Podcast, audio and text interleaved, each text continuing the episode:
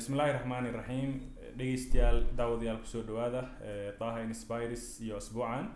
Haddii ilaah yidhaahdo maanta waxaa marti inoo ah cabdalla cabdisalaan yuusuf oo ka mid ah ardayda soomaaliyeed ee waddankan turkiga wax ku bartay darajada masterka ku dhameeyey maantana xilligaana la shaqeeyo yani shirkadda lagu magacaabo midson oo bixiso adeego waxbarasho iyo la talin dhanka ganacsiga ah cabdalla cabdisalaan yuusuf soo dhawow cabdalla maanta wuxuu inala wadaagi doonaa talooyin iyo macluumaad ku aadan dhanka iqaamada si ay uga faa'iideystaan dad soomaaliyeed ay macluumaadkaas u baahan karaan ama dalka ku nool ama dalka dibaddiisa ku nool. Cabdalla soo dhawow magacaaga iyo adigoo ku bilaabaysa soo dhawow aada baa umahadsan tahay mudane cabdisamed iyo taha inspires. Run ahaantii waxaan aada u bogaadinayaa barnaamijka maxaan taha inspires ee aada hawsheeda waday in muddo ah. Waxaan ka mid ahay dadka ku xiran barnaamijkaas oo barnaamijyo badan oo aad talooyin aad bixiseen iyo waxyaaba ku saabsan nolosha turkiga iyo aada horey u soo gudbiseen. Aad baan kugu mahad celinayaa insha allah wixii ilahay iga garansiiya waxaan rajeynaya inaan ka iraahdo shuruucda deganaanshaha waddanka turkiga oo iqaamadu ay ugu horeyso. Waa mahadsan tahay bismi illahi raxmaan iraxiim maanta waxaan ka hadli doonaa haddii aan la idmo aan rajeynaya wixii macluumaad ilahay iga garansiiya inaan idinla wadaago barnaamijka mawduuc ku saabsan deganaanshaha dalka turkiga shuruucda deganaanshaha marka kood waxaan ka bilaabayaa insha allahu tacaala noocyada deganaanshaha waddanka turkiga lagu joogo. Midka koowaad ee ugu arda dadkii ugu horreeyay waddankan ay ku yimaadeen oo soomaalidu ay ku barteen waddanka turkiga wuxuu ahaa ardaynimo maadaama turkiga xilligii ugu horreysay dadkii ina baray ama ugu horreeya turkiga yimid ay ahaayeen arday jaamacadeed iyo arday secondary. Iqaamada ardaynimo waa midda ugu horeysa ee aan maanta insha allah xooga saari doono. Nooca labaad ee iqaamo lagu qaato waddanka lagu deganaado waxaa weeye midda dalxiiska ay yidhahdaan soomaalidu. Laakiin magaceeda saxda la yidhaahdo short term iqaamada noocaasa oo ah iqaamo xadidan waqti gaaban leh midda saddexaad waxaa weeye iqaamo caafimaad. Ayadana waxaa weeye dadka u soo galay qaab inay waddankan iska isku daweeyaan istaalada turkiga baa qaata.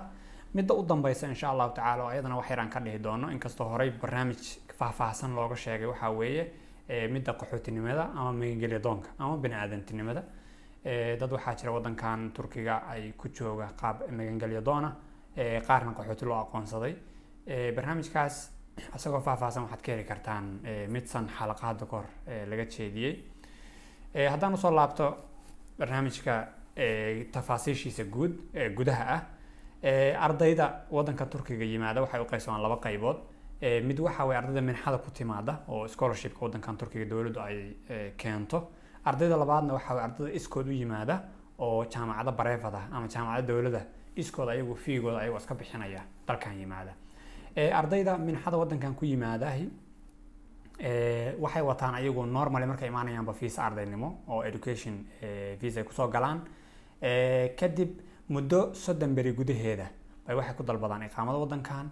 Sidaas waxay ku helaan iqaamadii ayagoo jaamacadooda markaas u maraya oo systemka jaamacadooda ay siinayso maxaa la yidhaha warqadan la yidhaahdo orange belgasi ama warqadda ardaynimada caddaynaysa qofkan uu jaamacadda waddan ka dhigto ardayga labaad ardayda nooca labaad ee ayagu lacagtooda ku yimaada laba isugu jiraan. Qaybna waxay ku yimaadaan arday visa waxbarasho soo hela oo marka hore admission waddankan looga soo saaray jaamacadeed ayagu ka helay oo markaas ayagu ardaydii hore u dhigma. Kuwa labaad waxaa weeye arday ama family meeshaan soo degay marka horeba ama arday isagoo iskiis u yimid qof iskiis u yimid oo fiisa dalxiis ku soo galay laakiin isagoo waddanka jooga go'aansaday inuu arday noqdo oo jaamacad xaraysto ama jaamacad galo. Ardayda noocaas oo kala dambe ayagu waxay sameynayaan laba ay u sii qaybsamaan laftigoodu.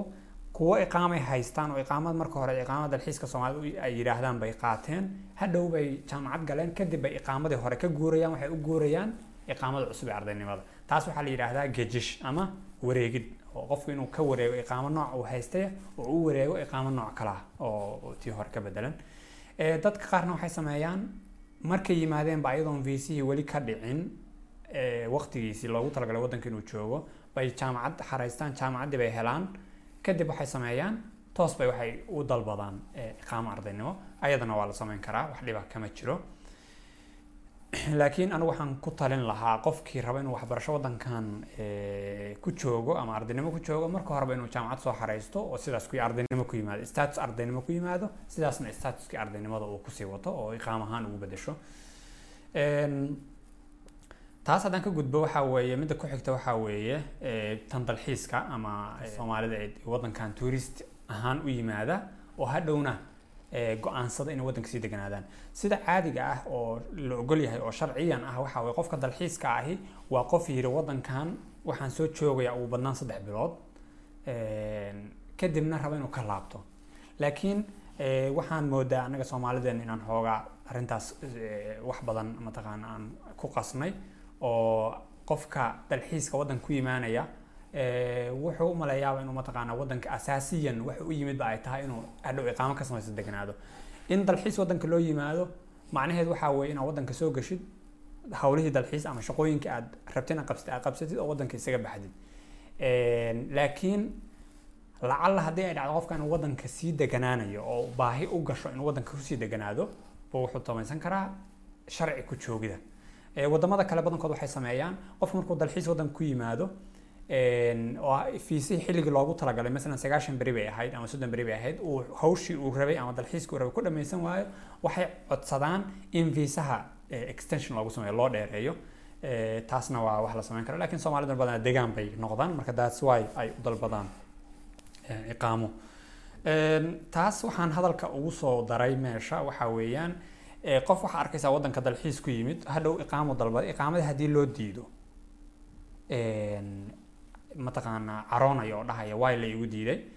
Sida caadiga ahba adiga markaad dalxiiso tahay xaq uma lehid inaad joogtid. Waa wax macnaheedu waxay ahayd adiga temporarily muddo go-an inaad waddanka joogtid kadibna ka tagtid bay ahayd shardigaagu. Marka haddii iqaamo intaad dalbatid adoo dalxiis waddan ku yimi iqaamo dalbatid oo lagu diido cidna caroonin waxaa weeye adiga mataqaana marka hore waxaa ku socotay barnaamij temporary ah oo waddanka inaad soo joogto ayaana kadibna isaga tagtid ahaa midda ganacsigu tan dalxiiska waxay uga duwan tahay keliya qofkaani markuu iqaamada xareysanayo shuruudda iqaamada markuu xareysanayo laga rabaa waxay ka mid tahay shirkaddii ganacsi ahaan u keentay oo qofkan soo casuuntay baa waxaa laga rabaa inay warqad siiso qofkan sponsor inay ka tahay ah inuu qofkan ayaga la joogo macluumaad noocaas oo kale ah. Warqadaasna waxaa weeye haddii qofku shirkad saxa ku socday si fudud buu heli karaa. Laakiin qofkii aan marka hore ku soconin wax saxa oo keliya waddanka soo gelid keliya ka ahayd waxaa laga yaabaa hawshaas inay ku yara adkaato. Tan ku soo xigta ee deganaanshaha waddanka lagu joogi karo waxaa ka mid ah ayana caafimaad. Caafimaadka asagu waa laftigiisu waa temporary waa qofka intaan ka caafimaadayo. Qofkan intuu ka caafimaadayo ayuu xaq wuxuu u leeyahay inuu waddanka joogo. Ayadana waxaa weeyaan isbitaalka qofku markaas uu la xiriiray oo lagu daweynayo inuu ka soo qaato warqad caddaynaysa inta xanuunkiis ku daweysmayo inta looga baahan yahay waddanka sii joogo warqad caddaynaysa taasina waxay sameynaysaa in mataqaanaa lagu siiyo caafimaadkii. Midda kale u dambaysa waxaa weeyaan aan rabo inaan ku soo gabagabeeyo deganaanshaha qaabka qaxootinimada ama bini-aadantinimada ama magangelyadoonka barnaamijkaas berigii hore waxaa sameyn jirtay u n h c r baa dadka qaban jirtay faylashooda ama codsigooda qaban jirtay qaxootinimada inuu qofku qaxooti noqdo rabo. Laakiin xilliyadii u dambeeyay sanadii u dambeeyay waxaa hawshaas la wareegtay dowladda turkiga. Waaxda socdaalka ee dowladda turkiga ee loo yaqaano goch idaarasi oo hoos tagta wasaaradda arrimaha gudaha. Waxay sameeyeen marka ayaguna laba nooc bay leeyihiin. Qofka marka u horeysa oo isdiiwaan geliyo magangelyo doonka yahay wuxuu sameynaya waxaa la siinayaa muddo kaar sheegaya qofka inuu magangelyo doon yahay ilaa faylkiisa uu ka cadaanayo oo qaxooti rasmi looga aqoonsanayo ama qaxootinimadiisa laga diidayo codsigiisa laga diidayo oo markaa la dhahayo raalli ahow anaga qaxooti kuma aqoonsan karna waddankaa ku laabo. Marka qofka marka u horeysa ee uu dalbado kaarka la siiyaahi waa kaar u ogolanaya waddanka sii joogo ilaa ay jawaab uga soo baxayso ama uu qaxooti ka noqonayo ama looga diidayo. Qofka ayaan markuu joogo oo interview laga qaado oo mataqaana dowladda waddanka turkiga hadday u aqoonsato qofka inuu qaxooti rasmiya yahay kadib waxaa la siinayaa kaarkiisii oo kale laakiin statuskii uu isbedelayo oo qofkan loo aqoonsanayo qof waddanka turkiga qaxooti ahaan ku jooga. Waxyaaba waxaa jira iqaamooyinka aysan ka maarmin. Iqaamada ardayga iyo iqaamada ganacsiga iyo iqaamada maxaa la yidhaahdaa caafimaadkuba aysan ka maarmin oo ah caymis caafimaad. Eh, qofka wadankan raba inuu deganaado waxaa laazima inuu samaysto eh, insurance health insurance samaysto. Eh, health insurancegaas laba nooc u sii qaybsamaa. Midna waa private oo waxaa qaadan kara dadka o dhan baa qaadan kara. Midna waa midka dowladda oo midka guud la yidhaahdo asagana waxaa badanaa qaadan kara dadka ardayda